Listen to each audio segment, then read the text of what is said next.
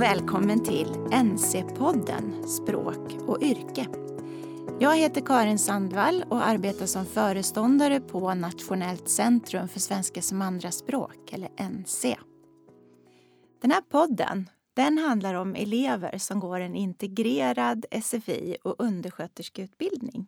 Och den handlar också om de SFI och yrkeslärare som jobbar där. Podden görs av två medarbetare på NC. De heter Lisa Ganno och Malin Dahlström och de jobbar deltid i utbildningen. Podden den handlar om NCs arbete att testa ett arbetssätt eller en modell som vi har jobbat med och utvecklat under en tid. Och nu är det dags att testa modellen i skarpt läge i undervisning, i metodrummet och praktikplatserna. Så följ med oss! Lyssna på hur vi tänker, hur lärare och elever tänker och vad som händer i det här spännande utvecklingsarbetet. Välkommen till NC-podden Språk och yrke.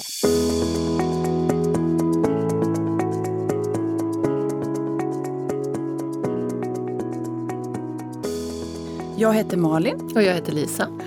Välkommen tillbaka Lisa. Tack ska du ha. Kul att se att du är på benen igen. Ja, det är härligt. Eh, jag är jättenyfiken att höra vad ni gjorde förra gången när jag var sjuk. Ja, vi fortsatte jobba med bilden, den här iscensatta eh, vårdsituationen där allt är fel. För att liksom, låta eleverna verkligen befästa, repetera de här begreppen. Men det mm. handlar väl också om att, att, få ur dem så här, vad kan de nu om det här? Ja precis. På, och hur kan de prata om det på svenska i alla fall? Mm, mm. Precis. Så att eh, jag och Ann-Kristin och Sara vi eh, skapade en exempeltext som vi läste in och la i Google Drive. Det är en berättarröst kan man säga där vi går igenom den här, vad som är problematiskt med den här bilden utifrån olika perspektiv. Okej, ska vi lyssna på det? Ja. ja. På bilden ser vi hur en undersköterska matar en vårdtagare. Bilden visar en situation som är problematisk på många olika sätt. För det första ur ett estetiskt perspektiv. Estetik har med hur vi upplever något med våra sinnen att göra. Att det vi uppfattar upplevs på ett positivt och skönt sätt. Att uppleva något på ett estetiskt sätt är mycket individuellt. När man som undersköterska matar en vårdtagare är det viktigt att tänka på att man lägger upp maten så att det ser gott ut. Maten ska vara upplagd så att vårdtagaren blir nyfiken på att äta. Detta är viktigt eftersom undersköterskan är ansvarig för att vårdtagaren får i sig en näringsrik kost. Man kan också duka trevligt med en fin servett, en vacker duk, tända ljus om det går eller några blommor på bordet.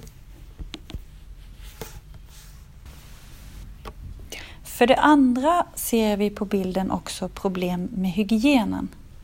Hygienen har med renlighet att göra. Att hålla det rena rent. På bilden har undersköterskan smycken och klocka på sig. Om man har det går det inte att ha en basal hygien, eh, handhygien. Undersköterskan har också håret löst hängande. Det kan komma hår i maten och hår är inte alltid så rent.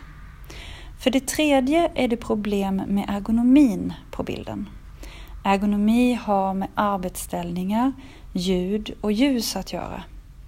Undersköterskan står på ett sätt som är obekvämt efter ett tag. Det är viktigt att undersköterskan har bra arbetsställning så att kroppen inte får några skador. Kroppen är ett viktigt verktyg för undersköterskor. Kroppen ska åka med så att undersköterskan kanske kan arbeta i 30 till 40 år. Till sist har vi ett etiskt problem. Etik har med vad som är rätt att göra, att man respekterar andra människors behov och känslor.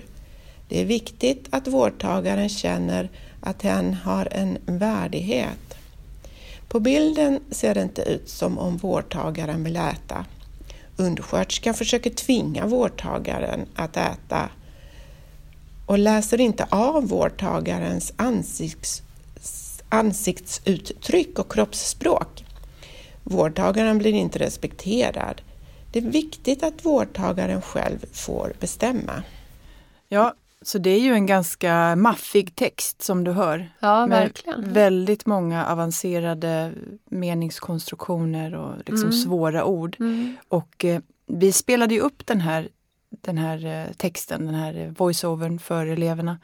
Eh, jag tror två gånger i början på dagen och eh, då var jag lite orolig att det skulle gå helt över huvudet på dem. Men eh, det, de reaktioner som kom fram var liksom att jag förstår allt det här. Jag kan inte själv säga det men, men jag förstår allting som sägs. Ja, Vi har ju liksom bäddat för att de ska kunna eh, ta till sig det här. ta till sig det här. Ja, Men hur, hur jobbar ni vidare då? Vi hade pratat lite grann om tankekartor och sådär men ni gjorde... Ja. Ja, men då gjorde vi så att vi lyssnade, vi satte upp den här eh, iscensatta bilden på tavlan och eh, de fick sitta och jobba i par. Eh, och så körde vi först tillsammans i helklass, att vi lyssnade på den här berättarrösten eller voiceovern eh, ett par gånger och så pratade vi om ja, men, vad är det som sägs, vad är det man behöver för ord och begrepp och fraser och börjor och så för att kunna uttrycka allt man vill säga om bilden. Mm. Så att vi gjorde en gemensam tankekarta på Mm. tavlan. Mm. Och sen då? Sen fick eleverna sätta sig då i par och träna på att berätta om den här bilden för varandra Ja. med stöd utav tankekartan. Spelade ni in det också eller? Ja, det gjorde vi faktiskt. De fick träna många gånger. Det var många som inte ville göra det. Alltså, det är så intressant. Ja. Eh, vi ville ju att de skulle sitta och träna och, så, och kanske spela in och lyssna och liksom hjälpa varandra och jämföra med den här berättarrösten som vi hade. Men eh, ganska många elever satte sig och började skriva för hand en lång historia liksom för att ha ett manus. Ja. Så där fick vi ju gå in och säga nej, nej, nej, det är inte det som är syftet Nej. utan använd tankekartan som stöd för att kunna berätta Ja. om bilden. Ja, Vi ska inte bygga en skriven text utan nu ska ni berätta fritt. ja okej. Ja. Men Vi kan lyssna på ett exempel ifrån en eh, inspelad elevtext eller elevberättelse. Mm. Okej, och etik, etik betyder som bra bemötande, eh, bestämma själv och respektera eh, värdighet och läsa, läsa av eh, kroppens språk. På bilden jag ser vi Anna-Kristin tvingan Lisa att äta mat. Också på, på bilden ser vi Eh, uh, Anna-Kristin inte läsa av kroppens språk och ansikt, ansiktsticket. Och ergonomi. På bilden ser jag eh, vi, vi eh, undersköterskan inte sitter bredvid vårdtagare. Uh, också uh, om uh, estetics på bilden ser vi uh, inte fina dukar på bordet. Också Lisa sitter eh, obekväm. Om eh, hy, hy, hygien. Eh, Anna-Kristin använder ehm, eh, hennes eh, armband, armband, ring. Eh, också hennes här eh, inte uppsatt. Och det också för eh, det finns eh, smutsigt in eh, kläder för eh, Lisa. Ja, vi är ganska långt ifrån eh, målspråket i Ja. den här eh, elevinspelningen. Ja, så att nu kan man säga att nu har vi en ny, ett nytt nuläge för eleverna eller en ny formativ bedömning här. Ja. Att vi kan se hur att produktionen har ju ökat. Helt klart och Ja. de förstår precis allting. Men vi ser ju också att de behöver, nu bör, behöver de börja träna. Mm. Och de behöver kanske också mer skriftspråkligt eh, stöttning för att få det rätt. Mm. Också rent formmässigt, alltså eh, Mm. med ändelser och böjningar och Ja. alltså formerna för. Mm. Så frågan är ju när, vi har sagt flera gånger i podden att då går vi inte in och rättar språket. Nej. Då är det inte så viktigt att det blir korrekt utan nu är det viktigt att... Men när blir det viktigt? Är inte nu ett bra läge att, att eh, gå in och jobba med formerna? För Ja. att man kan ju se det här lite som en dikt och glossövning. Ja. Du vet, man utgår ifrån en, en text i sin helhet och sen så låter man eh, eleverna rekonstruera utifrån den här modellen och så jämför man liksom. Och det är ju lite det läget vi står i nu. Ja, verkligen. Och, och ja, Den fråga du lyfter här det är ju egentligen när rättar vi eleverna och när rättar vi inte eleverna? Ja. Eh, och det är ju så att när vi frågar eleverna, ställer autentiska frågor till eleverna eh, för att få reda på saker eller för att få dem att berätta om sina erfarenheter. Då är vår primära uppgift bara att förstå vad de säger. Ja. Alltså vi, vi, vi, man måste ju säga ifrån om man inte förstår vad de kommunicerar. Men annars är det bara att, så att säga, lyssna in och eh, vara helt fokuserad på innehållet. Och då går vi inte och rättar när de kommunicerar med oss. Men här, när de har så att säga eh, håller på att träna att lägga ut texten kring ett begrepp så har vi ju här en jättebra utgångspunkt för att stretcha. För det blir, om vi skulle transkribera den här texten eller låta eleverna ska ju transkribera sin egen text. Då kan vi se eh, en beställning här. Mm. Vad de inte, alltså luckorna som de behöver bli säkra på att fylla i. Och då handlar det också för oss kanske om att prioritera. Vad, vad går vi in och skriver ut? Och sen kan de verkligen behöva träna. Men de ska ju inte hålla på att eh, öva jättemycket på saker som, eh, som, som är halvfärdiga. Nej. Utan eh, när det väl bär till nu, nu har ju de en, en, en text som de vill eh, kommunicera och då ska de träna in den men då ska de ha en, bygga ut den först. Precis, det handlar om att låta eleverna jobba med den grammatiken som de så att säga står i. Ja, För att även om man kan höra och lite svepande säga att ja, men den här eleven behöver jobba med ändelserna så kommer ju inte någon liksom, fylleriövningar eller att, att skriva liksom, scheman om olika ändelser kommer inte att hjälpa henne. Men Nej. däremot eh, hon, det finns ju vissa ändelser hon behöver för Mm. att, för att liksom, kommunicera innehållet i den här texten. Mm. Och då är det där vi ska jobba. så att eh, nästa steg skulle kunna vara då att eleverna lyssnar och, på sin egen text, transkriberar den som den är nu och sen funderar på vilka, eh, vilka ord och uttryck eh, saknar jag och så får vi stötta dem i det.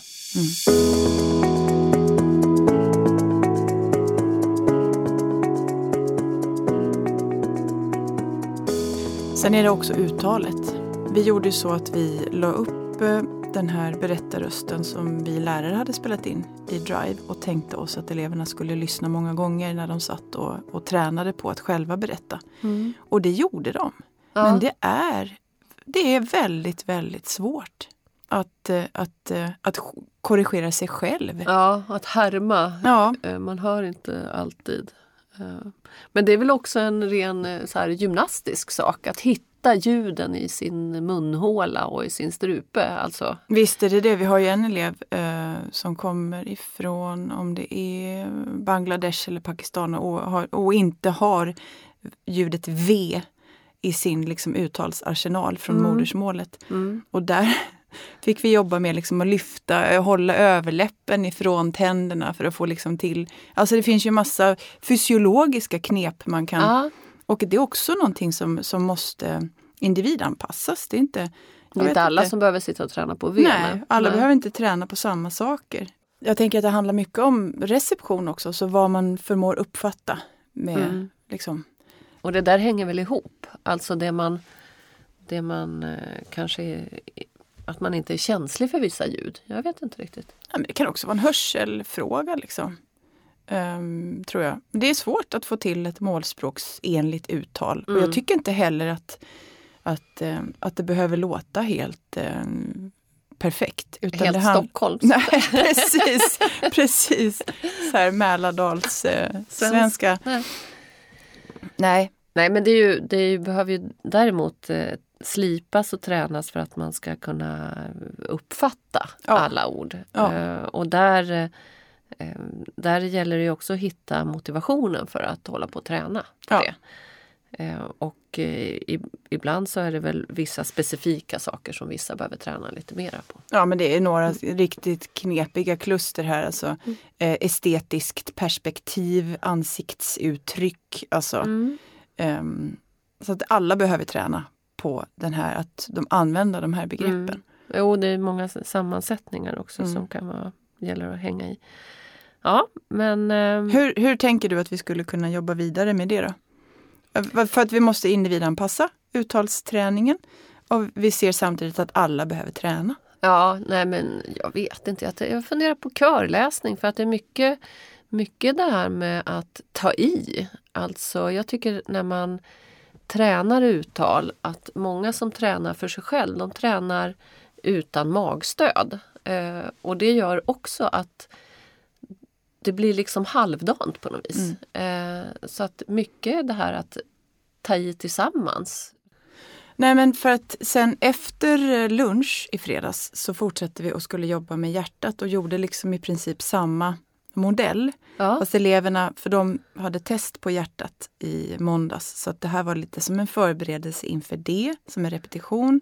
Men också så drog vi nytta av den här eh, arbetsformen. Liksom. Så att ja. fick de sitta i par och jobba med att skapa en tankekarta utifrån fyra bilder på hjärtat. Det var liksom vänster kammare, höger kammare, bakifrån och framifrån. Och så skulle de berätta allt de vet. Hur hjärtat ja. fungerar. Det lilla och stora kretsloppet Exakt. och sånt. Ja. Hur hjärtat fungerar och vad de olika delarna heter.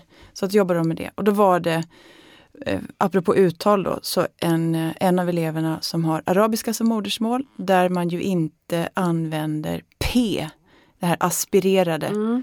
Eh, det ljudet existerar inte och därför så har man ingen träning att uppfatta det heller. Mm. Då pratade han mycket om så här, att hjärtat bombar blod ja, genom kroppen. Ja. Eh, så det kommer ju upp sådana här uttals, alltså specifika eh, utmaningar utifrån vad man har för modersmål, vad man har för ljud ja. i sin, liksom, eh, sin repertoar. Eh, och då, då handlar läraren måste ju bara lyssna och gå in och stötta där det behövs. För även om man, om man läser det i talkör tillsammans med resten av klassen, så här, så. pumpa, bomba, pumpa, bomba. Det blir inte, av sig självt så blir det inte, man måste bli uppmärksam på ja. att det här är olika ja. ljud. Ja. ja. Sitta med handen framför och känna kanske. Ja. ja.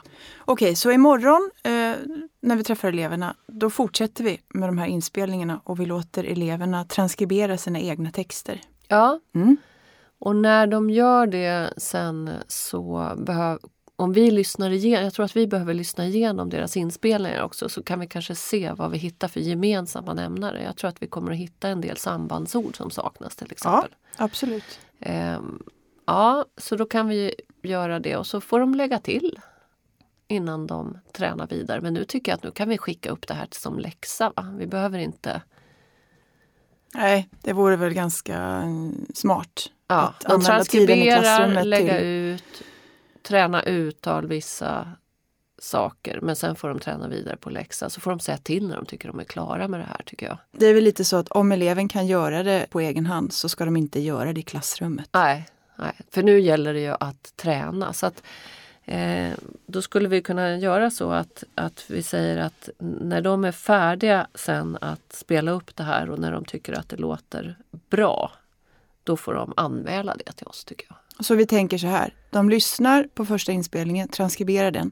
bygger ut den. Med hjälp av oss. Med hjälp av oss. Man kan också tänka sig någon kamratbedömning där kanske. Ja. Det kan de också få i ja. läxa, det kan man göra över internet. Ja. Alltså, eh, och sen så får de göra en ny inspelning ja. där de läser upp den här texten. Och sen får de eh, säga själva, göra en självbedömning. Vad tycker jag är svårt? Mm. Och så kan vi jämföra då eh, med, kan de se sina egna problem. Alltså jag, jag har svårt med uttalet av de här orden eller jag har svårt med jag vet inte vad som ska stå här. Men de behöver, de behöver öka sitt eget ansvarstagande nu. För nu har vi stöttat och stöttat och stöttat och nu är det dags lite grann att vad är svårt för mig? Vad behöver jag hjälp med av lärarna? Och, och sen träna, träna, träna. Mm, men vad är vinsten med att de blir medvetna om vad de behöver jobba vidare med? Det gäller ju att stärka elevernas egen, ehm, e-, egen, egen motivation och eget engagemang i sin egen träning. Så att de äger den. Vi måste putta över bollen till dem och inte bara att de producerar liksom svar på våra uppgifter. Utan vi måste, nu måste vi börja stärka deras medvetenhet om hur mycket de behöver träna.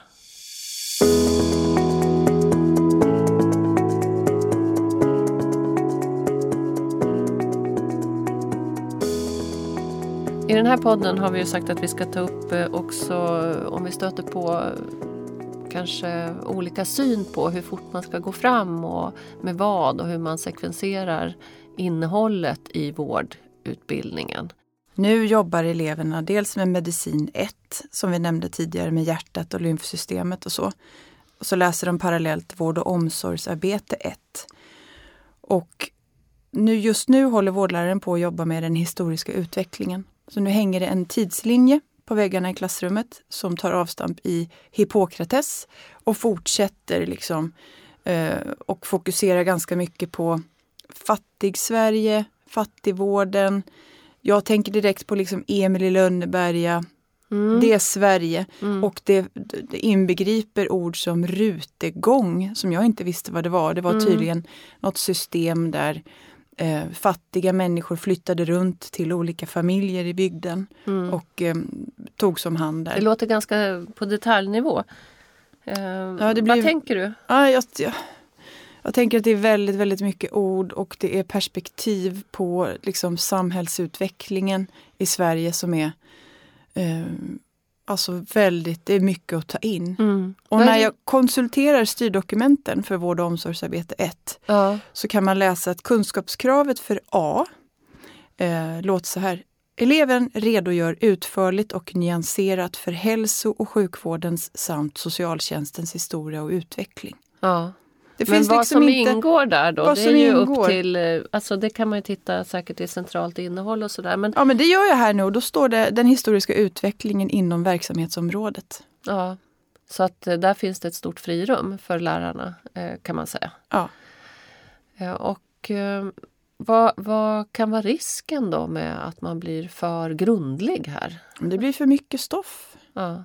Det blir för stofftrångt och man kan ja. fråga sig vilket användningsområde kommer eleverna att ha av ordet rutegång mm. till exempel? Mm. När ska de använda det i sin mm. praktiska yrkesutövning? Nu googlade vår tekniker Henrik Nordgren det här ordet som jag använde, rutegång, som jag trodde, och, för han tyckte det lät skumt. Och det var mycket riktigt fel. Det hette alltså rotegång, alltså ett roteringssystem för att ta hand om fattiga. Där ser man. Mm. Jag kan förstå, jag absolut man behöver att man behöver se liksom. att liksom svenska samhället har gått ifrån liksom det kollektiva till framväxten av ett, eh, ett mer individorienterat samhälle där vi har de här omhändertagande funktionerna på en, liksom, samhällsnivå. En samhällsnivå mm. Precis. Och då kan det ge en förklaring till varför äldreomsorgen ser ut som den gör idag. Mm. Och varför man ibland kallar liksom vårdtagarna för, för kunder och så. Mm, mm. De perspektiven, absolut, tycker jag att man måste ha. Men det, det, blir så väldigt mycket med utgångspunkt i den här begreppsbanken, de här liksom ganska arkaiska orden. Ja, och kanske utgångspunkt i någon slags eh, lärobok då, eller? Ja, eller den här kunskapsbanken. Eh, utifrån vårt sätt att se så handlar det ju om att bygga upp eller kanske släta ut vägen här för eleverna och att vara väldigt varsam till att börja med. Att inte lasta på dem för mycket. För att om vi överbelastar dem i det här skedet när de håller på att bygga ut sin litteracitets liksom, arsenal att läsa och skriva och tänka eh, och, och tolka texter och, och, svåra saker. Om vi last, överlastar dem nu då är det risk att det liksom blir destruktivt. Ja. Utan vi behöver hela tiden ha stadig blick på hur mycket tål de? Och sen efterhand öka takten så att man kanske inte kan portionera ut, man kan inte ta hela, hela liksom kursmängden och sen portionera ut för att hinna i mål. Utan vi behöver göra tydligare prioriteringar om de här eleverna ska klara sig. Hur ska vi kunna avgöra vad som ingår i kursen? Ja, vi behöver ju titta på kunskapskraven, vi behöver titta på styrdokumenten men sen behöver vi ha en diskussion Hur mycket av det här behöver man förstå och vad bidrar till elevernas förståelse och vad skälper eleverna? Mm. Alltså när knäcker vi dem istället för att stärka dem? Vi får helt enkelt prata med Ann-Kristin och Sara om det här. Ja. Sara, hur ska man egentligen veta hur mycket som ska ingå i den historiska utvecklingen? För när jag läser styrdokumenten så det betyder inte så mycket för mig. De ska kunna redogöra för utvecklingen. Hur vet man vilket stoff som ska liksom, tryckas in? När de, vi vet att de kan processa begränsade mängder liksom. Jag tänker så att det ska vara någonting som de har nytta av i sitt yrke och som de som de vårdar också har nytta av i sitt yrke. Och om man tänker på hur samhällsutvecklingen har sett ut över århundradena så har det ju funnits en förskjutning eh, från familjevård till eh, att samhället har tagit ansvar och att eh, familjen kanske nu återigen tar ett stort ansvar med anhöriga och närstående. Men eh, det finns också en rädsla hos många äldre att, att bli omhändertagna av samhället. Eh, om man ser till hur den typen av verksamhet har sett ut så har den inte varit eh, särskilt humanistisk egentligen. Nej. Och det måste eleverna veta för att kunna eh, ge de äldre en bra vård. De måste förstå att det finns en rädsla hos äldre att eh, ligga till last, att eh, ställa till besvär, att ehm, ehm, ja, att de, många äldre upplever att när de blir gamla så eh, förlorar de också en del av sin självbestämmande. De är inte värda lika mycket när de inte själv kan bidra. Så. Och den rädslan finns hos många gamla fortfarande. Mm. Och den kommer de, våra elever att möta. Tror du att våra elever har svårt att ta till sig de här perspektiven? Att, eller tror du att de kan liksom jämföra det med någonting som de har med sig hemifrån, ifrån ursprungslandet? Jag tänker att deras, deras eh, länder är väl, naturligtvis väldigt skiftande men där finns en annan respekt för äldre ofta. Och ofta har det ju varit, samhället har inte haft möjlighet att ta hand om svaga eller äldre eller barn utan det har ju alltid hamnat på familjer eller släkter. Ehm, och sen är det också så att man kommer till Sverige och ser att det är ett rikt land. Och så tänker man att ehm, det alltid har varit så. Det är svårt att, att byta perspektiv och förstå att de här människorna som är gamla idag, de har ju upplevt en utveckling som vi kanske inte ser spår av i samhället idag. Utan som kanske bara finns i deras, eh, kvar i deras upplevelser och ja. i deras minnen. Så att vårt samhälle idag speglar ju inte de äldres uppväxt egentligen. Nej, just det. Där finns en fara i det. Precis, men det viktiga är att eleverna förstår vad det vill säga att, eh, att bli äldre ja. och, och, vara liksom i behov av att eh, någon annan tar hand om en ja. i Sverige. Och också den här rädslan av att bli kanske fattig eller bli utan resurser. Eh, man kan fortfarande se äldre som är väldigt sparsamma med saker ja. som vi uppfattar som värdelösa. Ja. Även om, om den gruppen av människor börjar försvinna mer och mer. Men det finns fortfarande människor som har haft en ganska fattig uppväxt och det speglar sig i deras sätt att tänka. Och också de kanske som går in i en demenssjukdom. Ja. Där blir det också väldigt tydligt hur, alltså hur de tänker kan ibland återspeglas i vad de har upplevt. Ja. Och det är viktigt för Det är jätteviktigt att förstå. Att förstå. Precis. Okej, okay, ja men då vet jag. Tack. Du har lyssnat på NC-podden Språk och yrke. Vi spelar in i Språkstudion på institutionen för språkdidaktik vid Stockholms universitet och vår tekniker idag var Henrik Nordgren.